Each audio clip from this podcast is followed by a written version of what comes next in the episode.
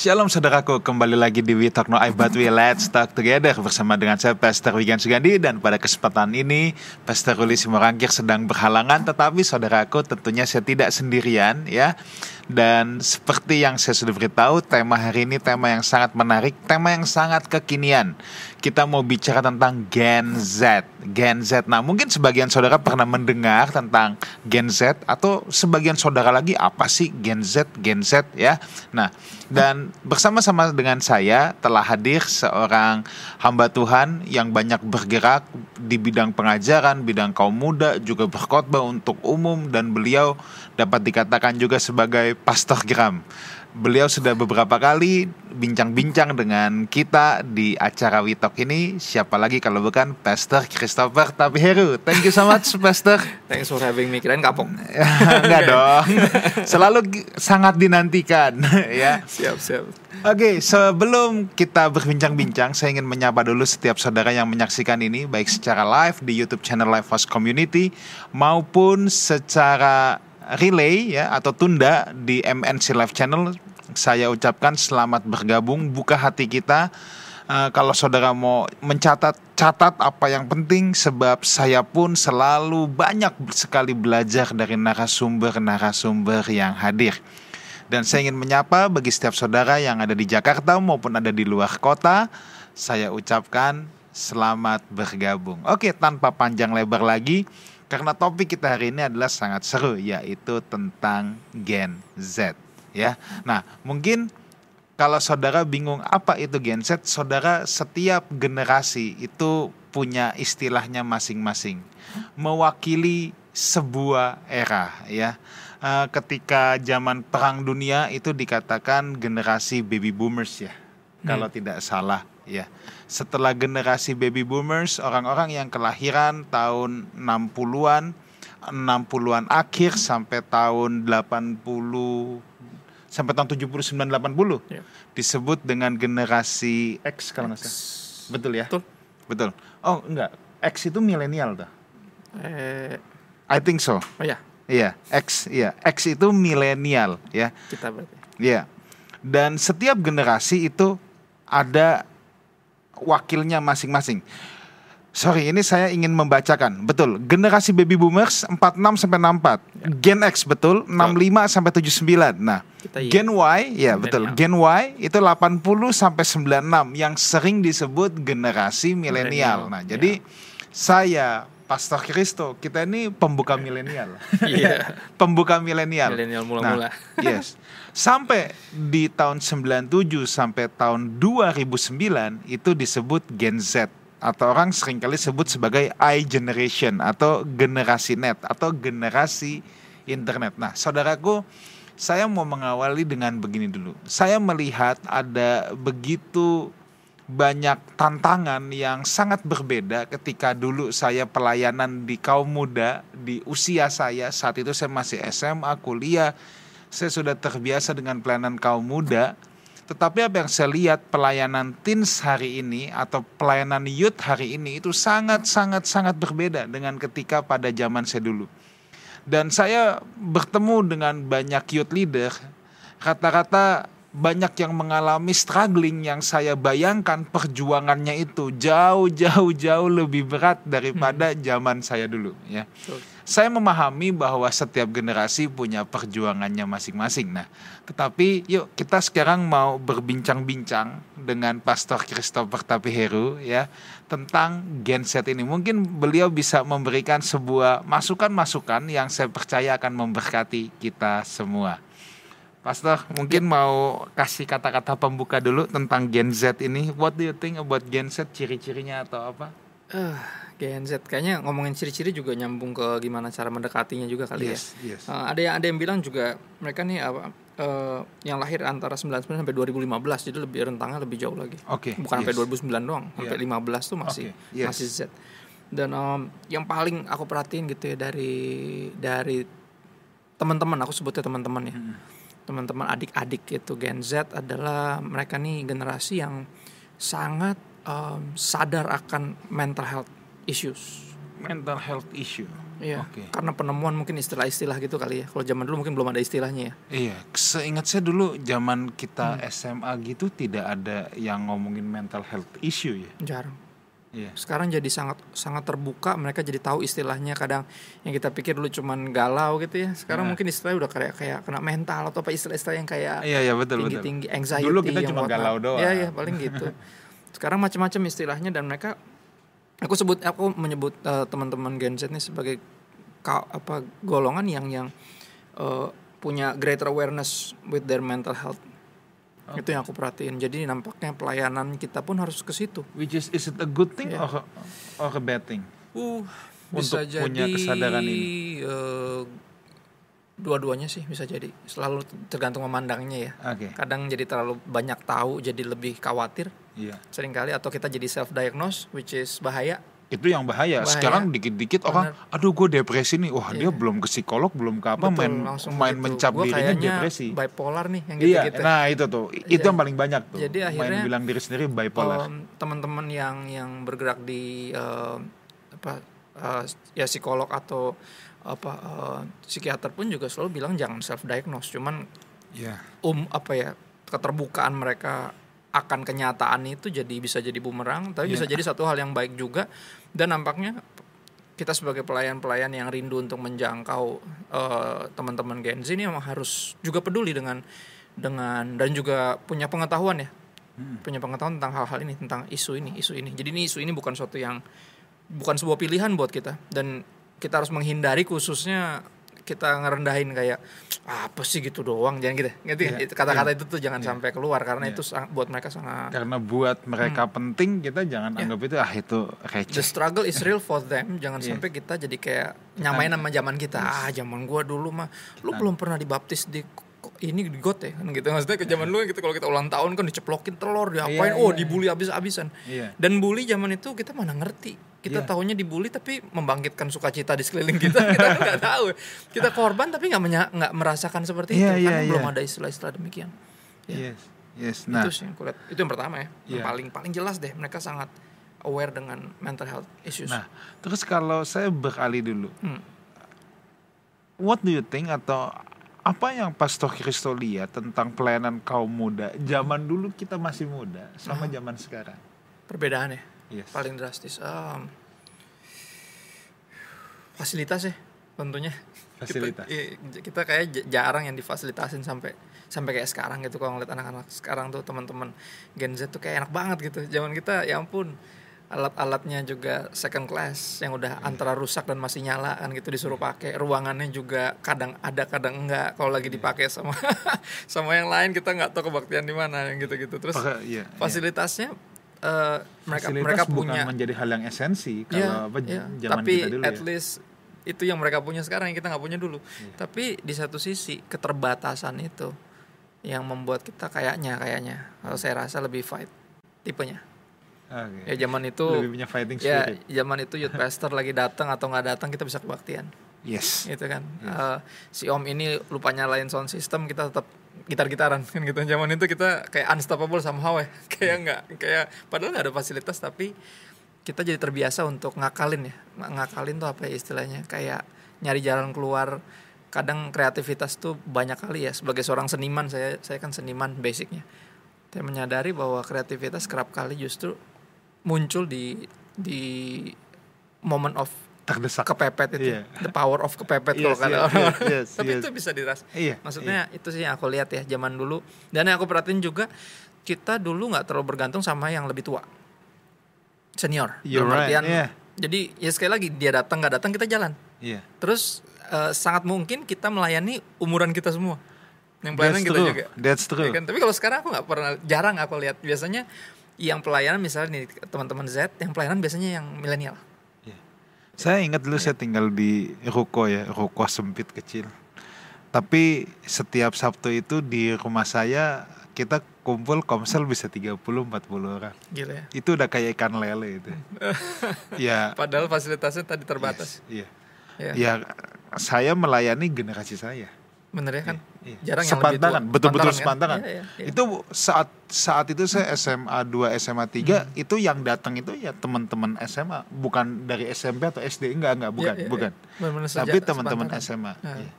Nah itu yang aku lihat agak kurang kalau sekarang aku perhatiin biasanya sekali lagi teman-teman Z dia yang melayani biasanya generasi di atasnya.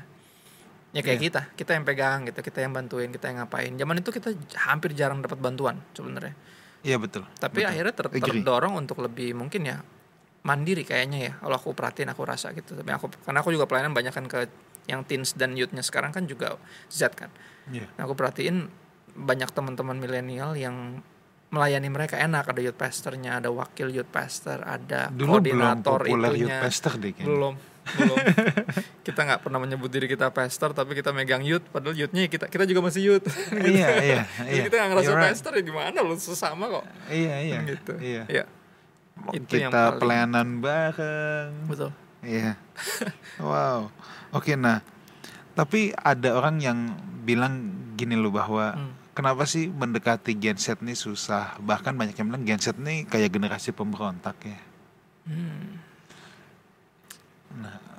Mungkin kita bisa mulai kupas pelan-pelan. How Oke. to reach out this generation. ya nampaknya tadi apa yang uh, Pastor Wigan sempat bilang ya. Apa yang penting buat mereka jangan sampai kita anggap nggak penting. Kita anggap remeh.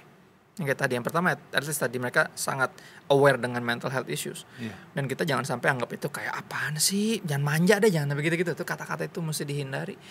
Karena jangan sampai kita dalam tanda kutip merasa lebih tough dari mereka karena itu yang bikin kita jadi ngerasa superior superior itu look down on others Iya. dan nggak ada generasi mana pun nggak ada yang suka di look down biasanya Oke. orang rebel karena ngerasa di look down Oke. gitu di, di- diremehin direndahin dan kayak kita mesti tadi kata-kata Pastor Wigan bagus kita harus anggap penting yang mereka anggap penting ya Yeah. if for them the struggle is real kita mesti masuk ke situ karena ya itu cara kita untuk berbicara dan didengar adalah dengan peduli ada satu ungkapan bagus ya Eh, aku nggak tahu siapa yang pertama kali ngomong dia bilang gini if apa people will never care how much you know until they know how much you care Iya. orang tuh nggak pernah peduli seberapa banyak yang lu tahu sampai mereka tahu seberapa besar lu peduli dan Itu kita harus masuk John Maxwell itu. Ya, Maxwell sebelumnya lagi mungkin Yeah. aku pernah denger dari um, siapa? Ya pokoknya pokoknya nggak tahu lah asli siapa tapi kayaknya Maxwell mungkin ya. Cuman itu kata-kata yang benar banget menurutku. Dan Yeah. setiap generasi berlaku. Jadi ketika kita nggak peduli dan kita coba untuk dalam tanda kutip berotoritas atas mereka, Hmm. ribal. Ribal kan muncul karena itu karena ngerasa diopres, Iya. ditekan. Ya. Tapi di lain sisi juga ini menjadi sebuah paradoks susah-susah gampang yang kita sebentar mau discuss nih. Ada yang bilang generasi ini generasi lembek, manja. Strawberry. Yes, tep- tepatnya manja, ya. Tetapi di satu sisi banyak yang bilang melayani generasi ini tidak gampang. They know everything. Di satu sisi Lembek, tapi banyak tapi tahu. susah. Iya, lembek tapi, ininya- banyak tahu. Hmm. ya tentunya dengan dengan era globalisasi sekarang kita mau dapatkan apa pun gampang kemudahan informasi ya kelimpahan bahkan yes blenger Ja- jadi zaman kita dulu susah. Susah untuk mendapatkan informasi. Ya. Kalau sekarang kayaknya pendeta khotbah dia Google dia bisa tahu langsung nih pendeta Iya. ambil dari mana. Apalagi chat GPT nanti dipencet dia langsung Iya. tahu khotbahnya. Udah muncul duluan sebelum You're right. menitnya khotbah. Ya, baru daerah yang benar-benar benar-benar sadis ya dalam arti kecanggihan itu. Cuman bisa jadi kecanggihan itu kemudahan itu eh, apa ya namanya em, justru ambil bagian dari kenapa jadi lembeknya itu bisa jadi Hmm. ya nggak sih kalau dikatakan Hmm. manja tuh gimana menurut pastor ya manja mungkin karena kita ngerasa dulu kita ah kita nggak bergantung sama ngerti nggak bergantung sama Oh, iya. ini atau nggak connect aja internet santai aja kita kita kan ngalamin Iya. era sebelum internet Iya, kalau iya, teman-teman sekarang yang Z kan lahir udah udah internet nggak nggak ngerti Iya. zaman ada ada loh ternyata lo bisa nggak connect terus bisa main yang lain ngobrol yang lain nggak mereka nggak ngalamin itu itu part of their uh, their their lives dan kalau kita bilang manja karena itu ya bisa bisa jadi bisa jadi karena kemudahan kan kemudahan kan bikin kita jadi nyaman dan Nah. orang yang nyaman akhirnya bisa jadi spoiled kan Iya. manja tuh kan karena sesuatu yang dimudahkan terus gitu nggak Yes. nggak ngalamin yang yang struggle struggle yang sulit sulitnya tapi di satu sisi tadi aku aku menyadari emang itu kenyataannya kemudahan informasi ini membuat mereka jadi dalam tanda kutip kita rasa sebagai manja tapi di satu sisi mereka ngerasa banyak tahu. Yes. kan gitu. Padahal banyak tahu belum tentu jadi jaminan yang bahwa kita bisa melakukan segala sesuatu. Kalau kita nggak nyoba dan nyuruh yang lain nyuruh yang lain kan gitu. Ya dong dikit-dikit. Yeah. kalau dulu kita mesti misalnya contoh beli beli barang deh sekarang kan tinggal pencet datang datang ke rumah coba kita dulu mesti jalan mesti nyari ke mana kan belum sampai tokonya belum tuh buka tokonya belum tentu ada juga barangnya yeah. udah jauh-jauh banyak banyak kemudahan yang bisa jadi menjadikan manja tadi gitu oke okay. waktu saya masih hmm. kecil let's say kalau ada orang yang lebih tua dari saya menceritakan sesuatu hmm.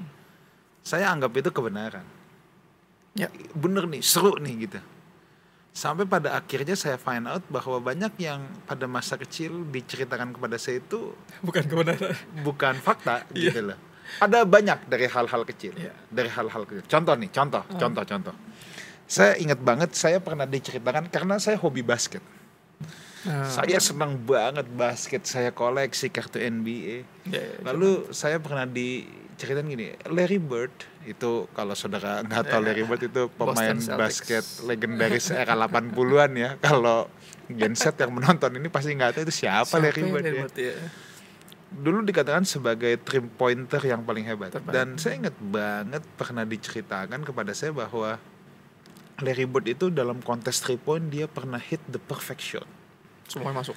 Jadi semuanya masuk. Dan saya pegang itu. Saya sangat mempercayai itu. Bahkan kalau ditanya orang saya akan jawab itu loh. Iya. tetapi setelah saya dewasa sekarang kita udah ada YouTube kita bisa playback semua. And I never found it. Saya cek di Google nggak ada data itu. Itu, itu folklore ya itu yes. mitos. Nah tetapi wow. pada saat dulu saya diceritakan itu saya masih SD of course belum ada internet. Ya yeah. yeah. Kita percaya kita mau cari bukti pun susah tapi kalau anak sekarang dikasih tahu, wah itu cari data di Google sendiri, uh, bener apa enggak? Gampang banget, yeah. gampang banget. Yeah. Nah, di satu sisi Gen Z ini bisa menjadi generasi yang kritis, betul. Ya, generasi yang sangat kritis. Tapi di satu sisi juga orang yang mengajar mereka harus benar-benar tidak bisa yang sotoy. Benar. Yang ngarang, yeah. ngarang bebas, tidak yeah. bisa udah. Betul. Ya jadi ini ada plus minusnya. Hmm. Nah, tapi juga kalau kita bicara tentang uh, karena banyak akses taunya itu, ada juga masalahnya. Less respect. Ya, karena berasa lebih tahu. Yes. Betul. Seringkali generasi ini jadi less respect dengan yang seniornya. Nah, itu gimana nih pendapat Pastor Kristo? Setuju ya, setuju. Bahkan di, di dunia kerja ya, aku kan yeah. sebelum full time kan sekuler ya. Di sekuler pun gitu ya maksudnya gini.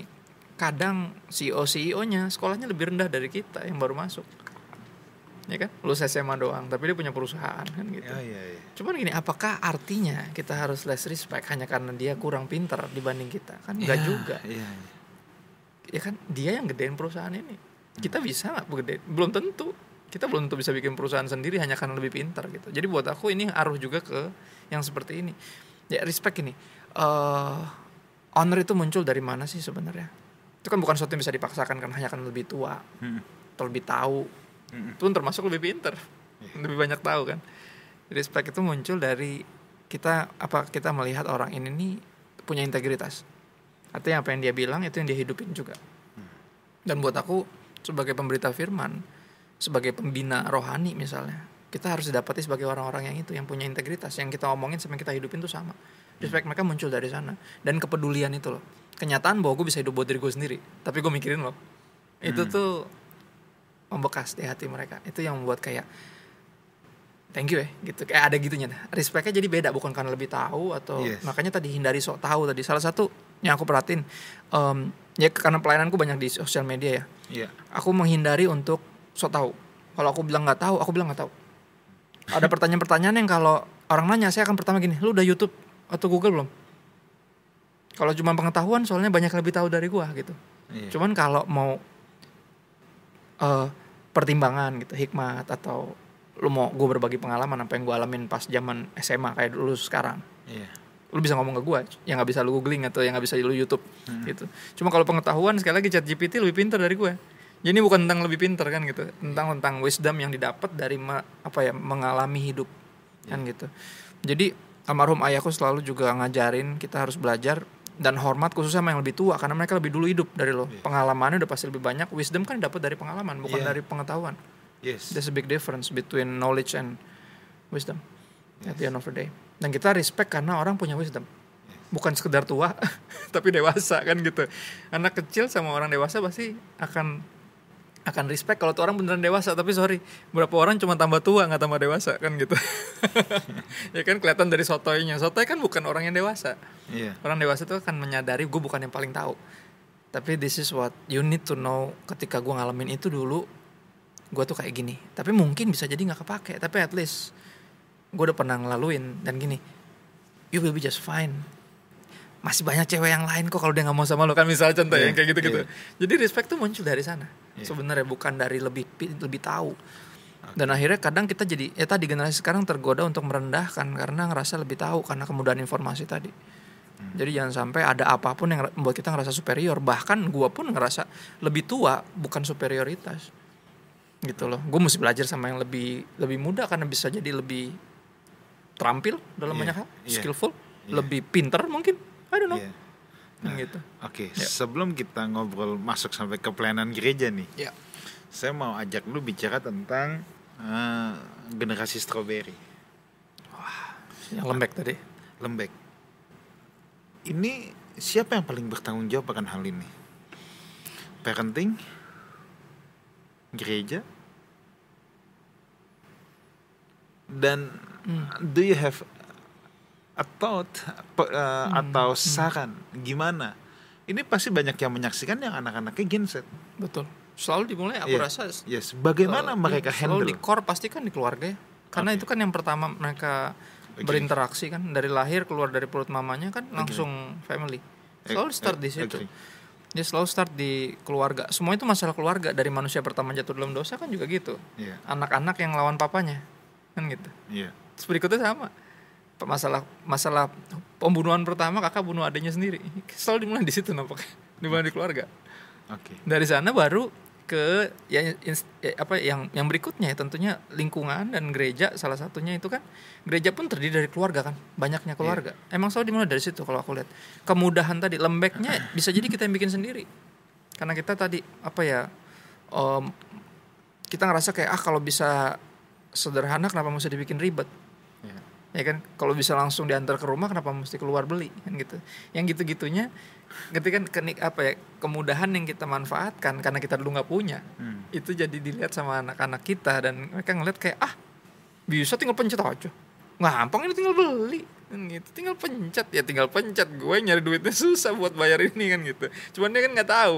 Yeah. dia taunya kan itu dari kita sebenarnya karena kita kan nggak ngalamin itu jadi ketika ada kemudahan kita pakai dan di depan mereka kita nggak pernah kasih lihat proses kita ngelihatnya yang gampangnya doang okay. kita yang bikin kalau aku lihat ya kalau okay. secara personal apa yang harus dilakukan berarti hmm. kalau kita bicara parenting untuk orang-orang tua yang sedang uh, menghadapi generasi Z ini hmm. do you hmm. have any suggest atau tips saya melihat gini hmm. ya hmm. ini contoh hmm saya masih kecil. Kita punya video game. Oke. Okay. Ya, zaman saya zaman Sega, Nintendo, Super Nintendo. Yeah. PS1 baru keluar, tapi saya bukan orang yang main PlayStation. Yeah. Saya stop main video game di Super Nintendo. Wow. Itu nice. adalah video game terakhir saya. PS PS1 lah, awal-awal ya, banget. 97 lah. Iya, tapi hmm. tidak lama. Tapi kalau yang saya mau ngomong tuh gini biarpun saya punya, punya. video hmm. game hmm. saya kenal sama semua tetangga yeah. kita bukan main game bareng apa kita bukan, bukan asik dengan di, video game yeah. kita di sore kita main sepeda bareng keliling Basket. komplek yeah. Kita, kita tahu tetangga ujung yeah. ke ujung loh. Yeah, yeah. Kita tahu semua. Setiap sore kita udah janjian tuh dulu. Yeah jam 4 kita udah janjian sama tetangga kita main main galasin ke main apa yeah, kayak yeah. ke lapangan dekat rumah nanti jam 6 pulang semua anak-anak sekarang genset saya rasa hampir nggak ada yang tahu siapa te, siapa te, uh, tetangganya. Iya. Nah, ini menghadapi generasi ini, apa sih yang supaya anak-anak ini tidak jadi lembek, tapi juga nggak kepahitan sama kita? Hmm. Karena ada orang tua yang bilang saya udah kirasin anak saya loh, hmm. dan hasilnya anaknya kepahitan. Ya, anaknya malah pecah, malah rebel ya, at the end yeah. of the day. Yes. Ya, seperti halnya parenting yang baik ya, kita tahu pada akhirnya eh, karena action speaks louder than words. Yes. Nampaknya teladan harus kita berikan. Yeah. Ya, misalnya tadi kenyataan bahwa kita harus mengenal kanan kiri kita nggak boleh cuek, dimulai dari kita. Yeah. Dari kita yang mungkin uh, pas lagi misalnya perayaan Natal, kita ajak anak kita bagi-bagi, eh ini bagi-bagi apa? Kayak Christmas caroling walaupun dia bukan Kristen kita kasih lah. Maksudnya apa kayak uh, goodie bags buat anaknya, right? Yeah. Kayak ke ke pada akhirnya karena mereka ngeliat kita kok pada akhirnya ya kan mereka akan menghargai yang kita hargai mengandalkan yang kita andalkan yang gitu yeah. ya kenyataan kita harus ajak mereka berdoa gitu bukan mengasumsikan bahwa mereka tahu bahwa mereka perlu berdoa belum tentu yeah. mereka tahu yeah. Yeah. Bisa jadi mereka pikir ah Tuhan udah tahu ngapain gue berdoa kan gitu. Iya. Yeah. ya dong, kenyataan tuh kan yeah. bahwa kita berdoa bukan ngasih tahu Tuhan karena Tuhan udah tahu. Oh ya berarti ngapain berdoa kan gitu. Yeah. Kita yang nunjukin itu berdoa terus sosialisasinya penghormatan kepada yang lebih tua misalnya uh, tukang parkir misalnya hmm. ya dong walaupun posisinya kan ngerti kan hmm. kita yang punya uang kita kita hargain gitu pak makasih ya atau lewat depan orang kita bilang misi aja buat mereka mungkin baru wih mesti gitu ya emang emang dia siapa? Gitu. Emang dia earn our respect? Dia bukan siapa-siapa pak. I know but everyone. Ya kan? Everyone emang kita kita mesti menghormati sesama manusia apalagi yang lebih tua. Yeah. selalu dari teladan dari kita. Ya dan ya kita nggak bisa menuntun mereka hanya dengan mengkritisi mereka atau ngomelin mereka. Kita harus menunjukkan itu sehingga mereka akan niru.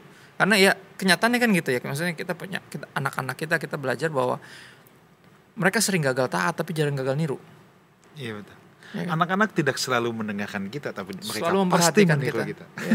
dan nampaknya itu jadi jangan sampai kemudahan yang kita terima belakangan yeah. sebagai sebuah luxury.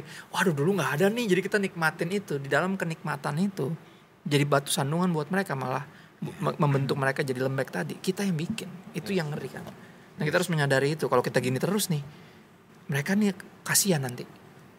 Gitu loh. Kalau kita nggak ada misal dikit-dikit harusnya mereka yang iniin tapi kita yang udah apa aja deh yeah. biar cepat atau biar apa padahal yeah. proses itu yang mereka perlu yeah. biar nggak jadi lembek yes. menurut saya dalam parenting juga mungkin sangat diperlukan bahwa mereka dibiasakan bahwa untuk memperoleh sesuatu itu perlu perjuangan exactly bukan dengan gampangnya tinggal bilang pak mau ini mau mau itu hmm. langsung dapat kita ajarin nabung misalnya nah. atau kita ajarin bersabar misalnya contoh yeah. misalnya gini contoh uh, eh, gue udah janjiin kemarin um, karena ada satu hal dan lain hal gitu ya gue udah janjiin bahwa gue akan beliin anak gue sesuatu. Dia bilang ya udah beli sekarang aja nanti lah tunggu kamu naik kelas kan gitu. Zaman kita kan gitu. Iya iya, iya. tapi itu gue gue pengen kasih dia belajar bersabar iya. belajar untuk menguji apakah gue bener berjanji atau cuma sekedar omong besar. Pan bisa beli sekarang beli aja lah nanti aku mainnya pas udah naik kelas. Nggak mungkin gue bilang. Nggak nggak nggak nggak. Kamu belajar nunggu. Karena ini ada yang sesuatu yang penting. Apa belajar bersabar itu penting. Gitu. Dan aku papa mau ngajarin kamu sabar kalau nggak semuanya udah dipermudah papa tahu. Bukan nggak bisa bukan nggak punya kayak gini Tuhan punya segala sesuatu yang terbaik buat kita. Tapi kan dia yes. kasihnya di di waktu yang udah pas. Awesome. kita diajar untuk itu. Jangan aku pikir dengan selalu mengkomunikasikan itu dia bilang tapi kan bisa pak. I know bisa. Tapi bukan itu idenya gitu. Kamu mesti belajar bersabar belajar gini belajar untuk um, memperjuangkan sesuatu. Karena nanti di ke depannya itu penting buat kamu aku gue udah mulai ngomong itu sama anak gue oh. dan dia sedikit banyak ya ngerti nggak ngerti karena suka nggak terima kadang ah kok ngapain sih gitu gitu cuman gue coba jelasin yeah. dan gue berharap itu yang yang akan kepake buat dia suatu hari nanti gitu karena ya Z dan bahkan Alpha ya generasi berikutnya yang paling bawah kan yeah. lebih ini lagi dan kita, bayangin kalau Z-nya jadi strawberry Alpha-nya gimana nanti, kan? yeah. hmm. kita ini belum ada gambaran generasi Alpha ketika jadi youth seperti Waduh, apa belum belum yeah. Belum saya mau cerita aja uh, di komunitas kami Life as Community hmm. anak-anak sekolah minggunya tuh generasi Alpha Alpha ya itu bisa menanyakan hal-hal yang I think waktu saya umur segitu saya nggak belum kepikiran ke situ. Iya iya. I think umur 5 atau enam tahun. Dia tanya sama guru sekolah minggunya dengan bahasa Inggris pula. Anak-anak sekarang wow. maunya ngomong oh iya, Inggris. Oh iya, oh iya. Kita yang bikin kan? Iya. Kita yang sekolahin soalnya. Gimana saya tahu kalau Alkitab itu firman Tuhan. Firman Tuhan. Gila. Lima enam tahun. Gila gak? Kita masih mentak umpet umur segitu. Terus kita mau jelasinnya gimana? Mau jelasin kanonisasi? Belum ngerti juga. Sama anak umur lima enam exactly. tahun. Exactly. But I'm so grateful uh, our head teacher itu hmm. memang passionate di anak-anak, punya wisdom. Situ. yang se yang saya pun sampai melongo karena buat saya kalau saya ditanya gitu sama anak umur lima tahun saya juga tidak bisa jawab saya tidak bisa iya. jawab Betul. sama anak umur lima enam tahun dia bagiin kertas di seluruh hmm. kelas suruh semuanya nulis hmm. bebas kertasnya dikumpulin hmm. lalu ya pasti nggak ada yang nyambung dong nggak ada loh sendiri ya iya dan dia bilang Alkitab ditulis sama 40 different people hmm. Dalam kurun waktu almost 2000 years. 2000 tahun ya. tapi semua nyambung. It must be God. Wow. This is good. That's good. That's good. Emang benar kan pada iya, akhirnya? iya. Iya, iya. tidak perlu menjelaskan tentang uh, ada konsili di Nicea muntah anak-anak konsili apa? Nicea siapa? Iya. makin ribet lagi nanti. Yeah, yeah, panjang lagi urusannya. Exactly exactly. Dan wisdom yang itu yang diperluin kan. Yeah. menyadari menyadari tadi tantangan kita makin besar teachers harus upgrade ya kan harus makin bergantung sama Roh Kudus karena aku percaya wisdom itu dari Roh Kudus. Uh, zaman sekolah minggu dulu gue termasuk yang paling kritis. Dan gak tahu berapa guru sekolah minggu yang hampir goyah iman ya gara-gara pertanyaan-pertanyaan gue. Salah satu pertanyaan yang paling gue pertanyakan, Heno, Heno kan hilang tuh, langsung diangkat sama iya. Tuhan kan nggak pakai mati tuh. Hmm. Terus gue bilang nih maksudnya apa? Mana ada orang yang kayak gini gue bilang, gitu kan? Gue yakin tuh wisdom dari Tuhan. Dia bilang kayak gini. Jadi gini, Heno sama Tuhan tuh dekat banget. Hmm. Kayak kamu sama teman baik kamu lah. Suatu suatu suatu ketika mereka main bareng jalan bareng. Saya udah udah mulai sore nih. Sore kan waktu pulang dong. Yeah. udah mulai maghrib gitu. Saya akhirnya Henonya mau pulang. E, Tuhan aku pulang dulu ya. Gitu mesti yeah. udah udah gelap nih. Gitu terus hmm. Tuhan bilang gini ah pulang mana ke rumah kamu. Ah nggak usah rumah kamu jauh. Ke rumah aku aja lah. Gitu. Akhirnya Heno ke rumahnya Tuhan. Nggak pulang lagi ke rumahnya dia bilang gitu. Karena deketnya sama Tuhan. Udah kalau lu nginep tempat gua aja gitu maksudnya gak usah pulang ke rumah lo gitu. Jadi dan buat gue itu masih wisdom loh. Yeah. karena sampai hari ini berbekas banget. Gue okay. bilang iya juga ya. Heno itu kan karib dengan Tuhan. Ayatnya kan cuma satu Heno. Yeah. Heno bergaul dengan bergaul karib dengan Tuhan yeah. dan dia tidak ada lagi that's yeah. it nginep tapi udah kagak iya. pulang-pulang. jadi dia bilang udah gak usah ke rumah kamu jauh. Ke rumahku aja lebih deket. Dia bilang gitu. Dan Tuhan bawa Heno ke rumahnya nggak pulang lagi.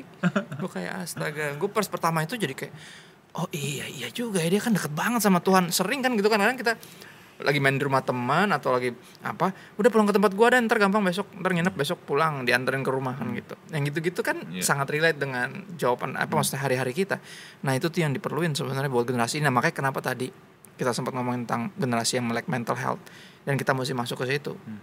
karena itu yang itu itu artinya relevan kan hmm. relevan bukan tentang jadi keren hmm. tapi tentang bisa relate sehingga connect sehingga bisa kalau kita ngomong mereka nyambung gitu hmm. relevan kan tentang about being clear not about being cool kan setiap kali sempat ya di mana era semua tentang jadi apa yang keren gitu kan itu arti yeah. relevan yeah. bukan gini relevan tentang jadi jelas bukan tentang jadi keren karena gini buat apa keren kalau nggak jelas iya yeah. ya dong nah itu yang akhirnya kita mesti sadari kayak tadi jawaban tadi kan yeah. wow itu relate banget buat mereka mereka nulis semuanya dikumpulin dan Iya ya ini pasti beda-beda tapi kok bisa nyambung ini pasti Tuhan. That's good, so good.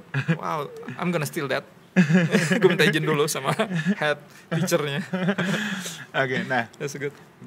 Saya mau masuk hmm. tentang pelayanan gereja. Ya. Di mana saya menjumpai, I think banyak sekali gereja yang very struggle about teens. Uh -huh. About about their teens atau their youth maksudnya ya. uh, usia-usia SMA sampai kuliah awal okay. ya banyak yang sangat struggling di mana mereka sebenarnya tidak mau ke gereja tapi dipaksa sama orang tuanya ke oh, gereja wow. ya.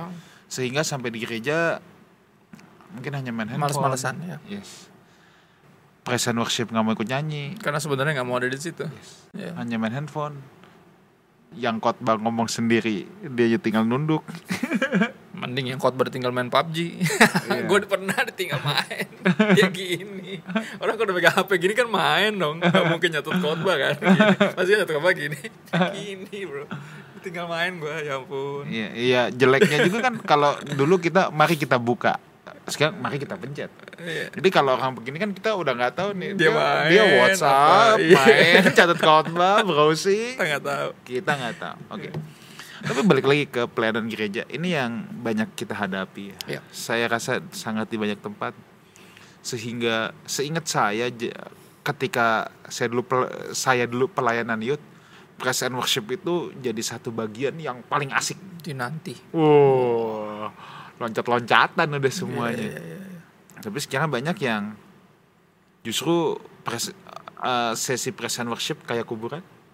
Ya ketika dikasih khotbah ini nih real nih. Yeah, yeah. apa yang saya katakan real? Eh, ketika khotbah terus mereka udah nggak mau dengerin begini dan dia bilang kita nggak suka satu arah. Maunya dialog. Maunya tanya jawab. Eh, maunya diskusi, dialog. ya. males ke gereja bisa bilang kita nggak suka di gereja kita lebih asik di Starbucks. Wow. And it's real. Gimana gereja menghadapi hal ini kepemimpinan apa sih yang dibutuhkan oleh Gen Z ini? What What do you think? I think ini ini struggle. It's serious struggling dari banyak tempat. Ya kita start dengan yang tadi ya, maksudnya peduliin yang buat mereka itu kayak jadi struggle-nya mereka. Itu aku rasa selalu dimulai dari sana. Respect juga mulai dari situ kan. Hmm. Ketika tadi uh, they apa they know that we care. Itu dulu pertama ya hal-hal yang hal-hal yang tadi ya mungkin kita jangan sampai abai jangan sampai kayak udah jangan handphonean terus misalnya nggak bisa mereka hidup nggak pernah ngalamin era di mana nggak ada nggak ada devices ini bangun tidur yang dicari pertama udah pasti. handphone ya karena iya. apalagi setelah pandemi yes. dulu sekolah nggak boleh main HP. Sekarang kalau nggak punya HP nggak bisa sekolah kemarin. Iya. kalau nggak bisa online gitu nggak. Melek mata yang dicari handphone. Iya. Kalau dia sampai cari mamanya berarti handphone ada di tangan mamanya. Iya, kan gitu. disimpan. iya. ya kepemimpinan gitu. apa yang diperlukan sebenarnya kepemimpinan yang apa ya? Aku bilangnya simpatik. Simpatik dalam artian peduli sama sama yang mereka lagi mereka lagi ada di situ. Kita pemimpinan yang turun ke bawah sebenarnya. Hmm. Ya kan untuk untuk bisa pengen tahu apa yang dicari, kenapa pada males apa apa yang ada? Apa mungkin di sini ada yang ngerasa ini penting misalnya. Hmm. Dengar. Bisa jadi ada yang jawab, "Ya, aku sebenarnya nggak mau nih ke sini, cuma disuruh mama kan gitu." Misalnya. Kenapa kamu nggak mau ke sini? Hmm. Apa yang kurang seru? Apa di sini membosankan? Hmm. Atau saya menyebalkan misalnya sebagai youth pastor kamu. Nah, itu itu kan simpatik dimulai dari sana. Kita yeah. pengen tahu mereka nih apa sih yang ini. Hmm. Gitu. Tapi gini kita hidup di era di mana bahkan masih ada aja uh, youth ministers hmm. yang nggak peduli tentang um, kemajuan teknologi. Bisa. Gini kita hidup di era di mana sosial media itu bukan jadi sebuah pilihan lagi tapi sebuah kemestian. Hmm. karena mereka ada di sana. Dan penginjil kan selalu gitu. Hmm. di mana ada jiwa kita ke sana. Kita hmm. belajarin culture-nya kita belajarin bahasanya terus kita masuk ke situ. Sama buat aku ini teman bedanya sekarang bedanya ada di sini dia. Yeah. ada di si device-nya ini. Nah buat aku sangat sentral sebenarnya walaupun terdengar sepele tapi udah nggak sepele lagi karena pandemi ya sekali lagi adalah pendampingan virtual. Pendampingan virtual. Ya secara gini uh, khususnya uh, saya sebutnya sebagai device wise ya dalam artian kita harus harus ada gitu. A mungkin nggak terlalu aktif tapi ada dalam artian gini. Hmm. misal contoh gini um, saya pelayanan di daerah orang bilang kan oh orang di daerah mah nggak perlu nggak terlalu ini juga. Eh kata siapa? Kata siapa? Ya kata siapa? Yang penting yang penting bukan masalah kita cemplung di mananya nggak. Mereka ada di situ nggak? Kalau mereka ada di situ kita ke situ. Jadi saya selalu bilang bahkan sama youth pastors yang mungkin umurnya lebih tinggi ada yang youth pastor lebih tua dari saya ada. Masih youth pastor juga. Saya bilang wah ini bukan ketua nih ketuaan kan gitu maksudnya. Sebenarnya udah susah banget ngomongnya. Tapi gini kalau gitu anda harus bikin Instagram. Tapi saya gaptek iya jangan pakai alasan. Kalau mau ngelayanin mereka kita turun kita turun ke levelnya mereka dalam artian nyemplung ke dunianya gitu loh. Mereka udah hidup nggak pernah ngalamin tanpa tanpa HP tanpa internet. Kita mesti masuk sana. Bikin Instagram ya. Follow mereka. Follow kan tanda bahwa kita peduli ya. Yeah. orang tua juga saya selalu bilang kayak gitu anaknya punya IG nggak? Punya Facebook nggak? Punya apa nggak? Follow. Subscribe kalau dia punya YouTube. Walaupun dia ngerekam yang nggak tahu dia main game sama temennya direkam nggak jelas nonton like karena itu penghargaannya udah berbeda sekarang. Yeah. sebagai seorang seniman saya sangat senang kalau ada yang menghargai karya seni saya. Sama mereka juga gitu. Sebagai yang posting ya kan? Penghargaan ketika mereka di like sama kakak mentornya. Yeah. mungkin postingan menurut kita nggak jelas nih apa sih? Tapi udah kita like aja tuk gitu. Tiba-tiba dia komen thank you kak udah like kan gitu. Ngobrol oh. dari sana. Dari situ apa? Itu yang disebut simpatik. Apa yang mereka anggap penting kita juga hargain. Dari situ kita bisa masuk kalau nggak susah. Ketika kita nggak nggak pernah nanya ini kenapa sih pada pada gini? Kalau zaman om dulu zaman kakak dulu nih bisa jingkrak jingkrak kita kalau lagi pw misalnya. What's wrong? Fasilitasnya ada lighting smoke gun. Come on you have everything.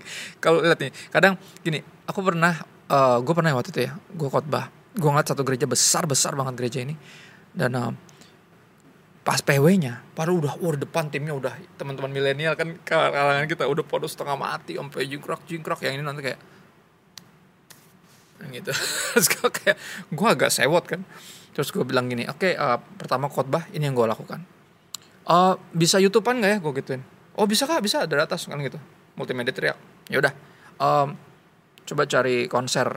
Jadi gue lupa siapa konser siapa waktu itu pokoknya yang paling baru lah konser yang baru minggu lalu lah terjadi. Coba gue gue suruh pasang konser. Bentar aja. Nih lihat. Ini di konser band ini. Gue lupa bandnya apa spesifik karena asal random yang gue lihat spanduk di dekat gerejanya kan? Kalau mau bikin ada konser kan ada ada billboard. Ini gue udah gue suruh nonton bentar. Lihat. Kenapa mereka bisa gitu? Kita nggak bisa gue bilang. Padahal gini mereka itu melakukan itu buat manusia loh. Itu orang loh yang di depan. Tapi kita bikin ini kan bukan buat kakak-kakak yang di sini yang tadi main drum yang apa tapi buat Tuhan sendiri. Kenapa kita nggak bisa gue mulai dengan itu gue nonton YouTube terus habis itu gue mulai dengan tanya jawab gue gak khotbah. Gue tanya kenapa? What happened? Terus dia jawab kayak gitu. Ya sebenarnya aku nggak mau ke sini kak cuma disuruh sama mama. Oh yang bikin lu nggak semangat berarti bukan bandnya gue bilang. Hmm. ya, jadi akhirnya semua yang yang di yang yang pelayanan berapa lega. Bukan salah gue berarti. Gitu. Karena begini udah top notch banget. Wah multimedianya gue bilang kayak ini tuh nggak masuk akal. Akhirnya gue tanya jawabannya kayak gitu. Oke ada lagi nggak yang kayak dia? Gue bilang. Beberapa angkat tangannya. Tadi they have to be there That's why.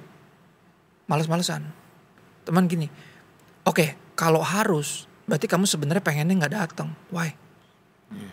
Kenapa? Yang aku nggak nggak terlalu kenal sih kak sama kanan kiri. Loh, yang salah siapa berarti? Apakah mereka cuek? Ya kan? Atau kamunya yang cuek? Jangan-jangan aku gituin. Oh, kita mulai dengan ngobrol. Gue nggak khotbah sebenarnya. Cuman tanya jawab, tanya jawab, tanya jawab. Dan dari situ gue mulai tuh setiap ada ada ada ada celah gue lihat gue bisa teach, I teach. Ya kan? Dan dan gue yakin pendekatan itu semua bisa dipakai buat semuanya. Berapa banyak yang udah pernah nanya yang kalian butuhkan sebenarnya apa ya kata-kata itu kan? Yang kalian butuhkan sebenarnya yang kalian cari itu apa sebenarnya? Nah, kalau gue yakin kalau kita punya apa ya? Ya tadi if we really care, kita akan dengerin apa yang mereka cari dan mereka harapkan ada. Tapi gini nggak selalu harus yang mereka minta kita kasih karena itu yang bisa jadi bikin mereka lembek kan gitu. Hmm. Cuman kalau yang kita bisa facilitate kita akan fasilitate kalau emang dirasa misalnya kayak gini ada yang ada yang pernah ngomong kata-kata kayak emang kalau kebaktian harus seberisik ini ada yang gitu gue kayak Hah?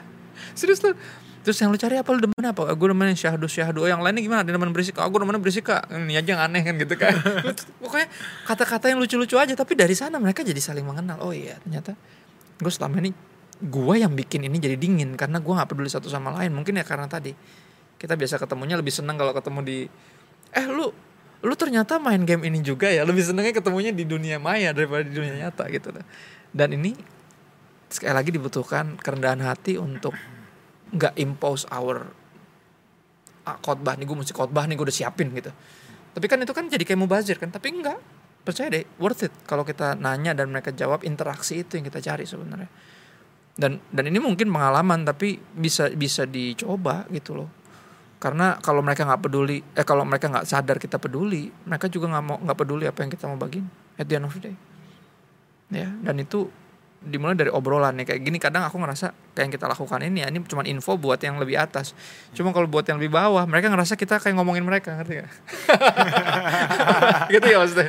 Yeah, generasi yeah, yeah. manja stroberi ah kok semuanya terlalu dipermudah.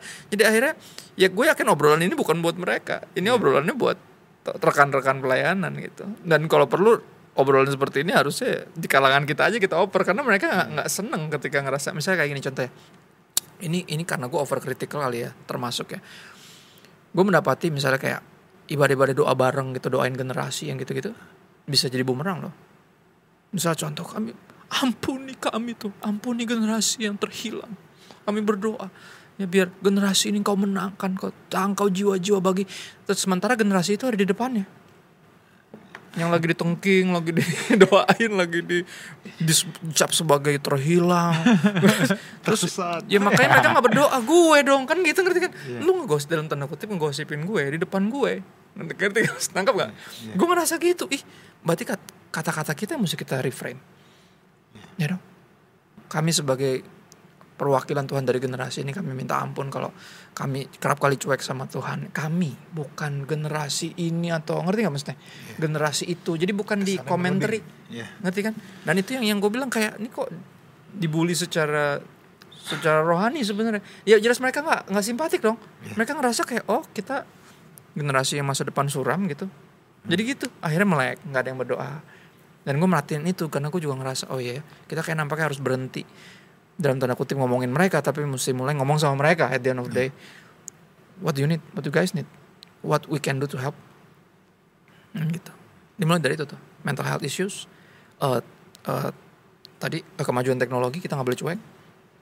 Yeah. ya kan? Apa yang mereka hargai kita mesti belajar untuk coba ngelihat. Misalnya contoh gue paling tersinggung ketika anak gue bilang dia mau jadi youtuber nggak mau jadi nggak mau jadi apa kayak dokter kayak pendeta kayak apa yang yang keren keren dia bilang cita-cita macam apa itu gue pernah ngomong gitu tapi akhirnya gue gue tarik lagi. Eh enggak juga maksudnya ya kalau emang peluang kamu di sana ya kan? Sekarang orang berlomba-lomba.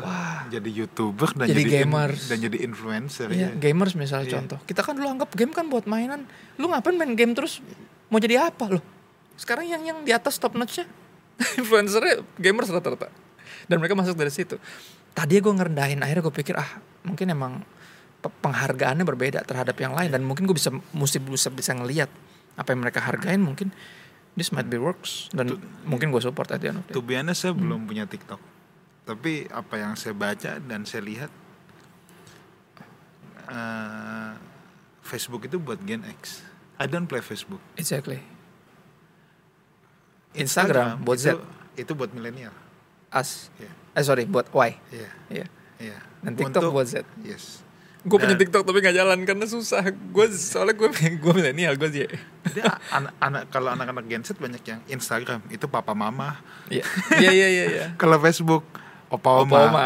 exactly. Tapi itu benar itu benar. Iya, iya iya iya. Dan akhirnya gue bersyukur makanya buat teman-teman yang yang dengan sengaja gitu ambil konten gue gitu dari IG gue terus dari khotbah gue yang direkam sama gereja siapa taruh di YouTube dipotong-potong masukin di TikTok. Gue bersyukur buat mereka di platform TikTok gue gak gede karena bukan tentang gue at the end of the day. Ini tentang pesan yang dari Tuhan bisa nyampe ke generasi berikut dengan pendekatan itu.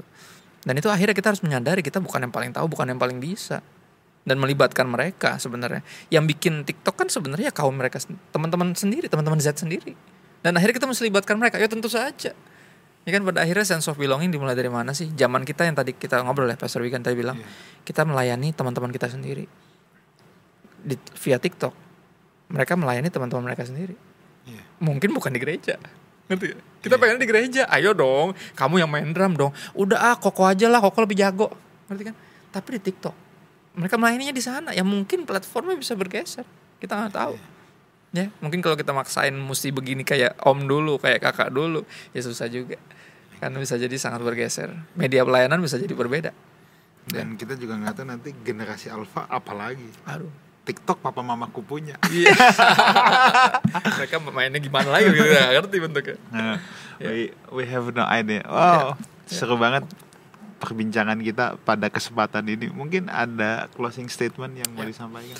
Uh, closing statement mungkin tadi ada satu poin yang aku belum sempat bagi ya tentang hmm. um, karena mereka punya banyak akses terhadap dalam tanda kutip kebenaran ya kemudahan tadi atau juga kesesatan karena saking mudahnya informasi uh, kita mesti mengajar ya sebagai pengajar saya pemberita firman Bible teacher juga kita harus mengajar dengan uh, kerendahan hati untuk uh, meminta maaf akan semua kesalahan yang dulu pernah dilakukan okay. oleh siapa pun okay. karena mereka juga ngelihat kemudahan informasi membawa mereka juga menyadari ada pendeta yang jatuh ada siapa yang bikin skandal yang gitu-gitu mereka udah tahu semua uh. dan akhirnya respect ke kita udah pasti kita yes. udah tahu mereka kan pikir ah paling lu sama aja kayak dia gitu yes. Tapi akhirnya kita mesti kita mulai bagikan kebenaran sambil terus meminta maaf buat kesalahan sebelumnya. Ketika kami mungkin atau sebelum kami gagal menghidupi kebenaran tapi juga cuma memberitakan kebenaran. Jadi itu itu, itu ngaruh juga buat buat akhirnya mereka menyadari. Maksudnya tapi itu sangat nggak apa ya nggak nggak banget buat gengsinya kita. Tapi itu kayaknya uh, we need to learn to mengajar kebenaran sambil mengakui kesalahan. Yes. karena kita juga pasti punya generasi berikut sebelumnya pasti punya dan bisa jadi mereka apatis malas-malasan karena itu juga yes. karena udah ngeliat yang itu so itu sih paling kalau dari aku ya yes. salah satu tipsnya juga selain okay. masuk ke dunianya kita mengajar dengan yes. Yes. dengan humility bahwa yes. kita nggak perfect ya yes. mungkin kalau dari saya saudara dari sisi dalam tanda petik supranatural kita perlu minta hikmat Tuhan, perlu minta hatinya Tuhan, perlu punya passion untuk bisa melayani generasi ini. Kalau Anda dipanggil untuk melayani generasi Z, mm. ya, as from God, ya. Tetapi secara praktikal yang kita yang apa saya senang banget dari perbincangan ini adalah simple aja. Anggaplah penting apa yang mereka anggap penting. Okay, ya. Yeah. Uh, kadang-kala kita suka being ignore atau kita tidak notice apa hmm. yang kita anggap nggak penting ya kita anggap ah itu tidak penting padahal buat mereka penting betul kan? betul kalau kita mau menjangkau mereka ya kita harus belajar untuk menganggap penting apa yang mereka anggap penting ya. Pastor Kristo thank you so much buat perbincangan pada kesempatan Thanks ini. having me. Senang. Selalu senang. Oke, thank you so much. Jangan pernah bosan buat ngobrol lagi sama kita.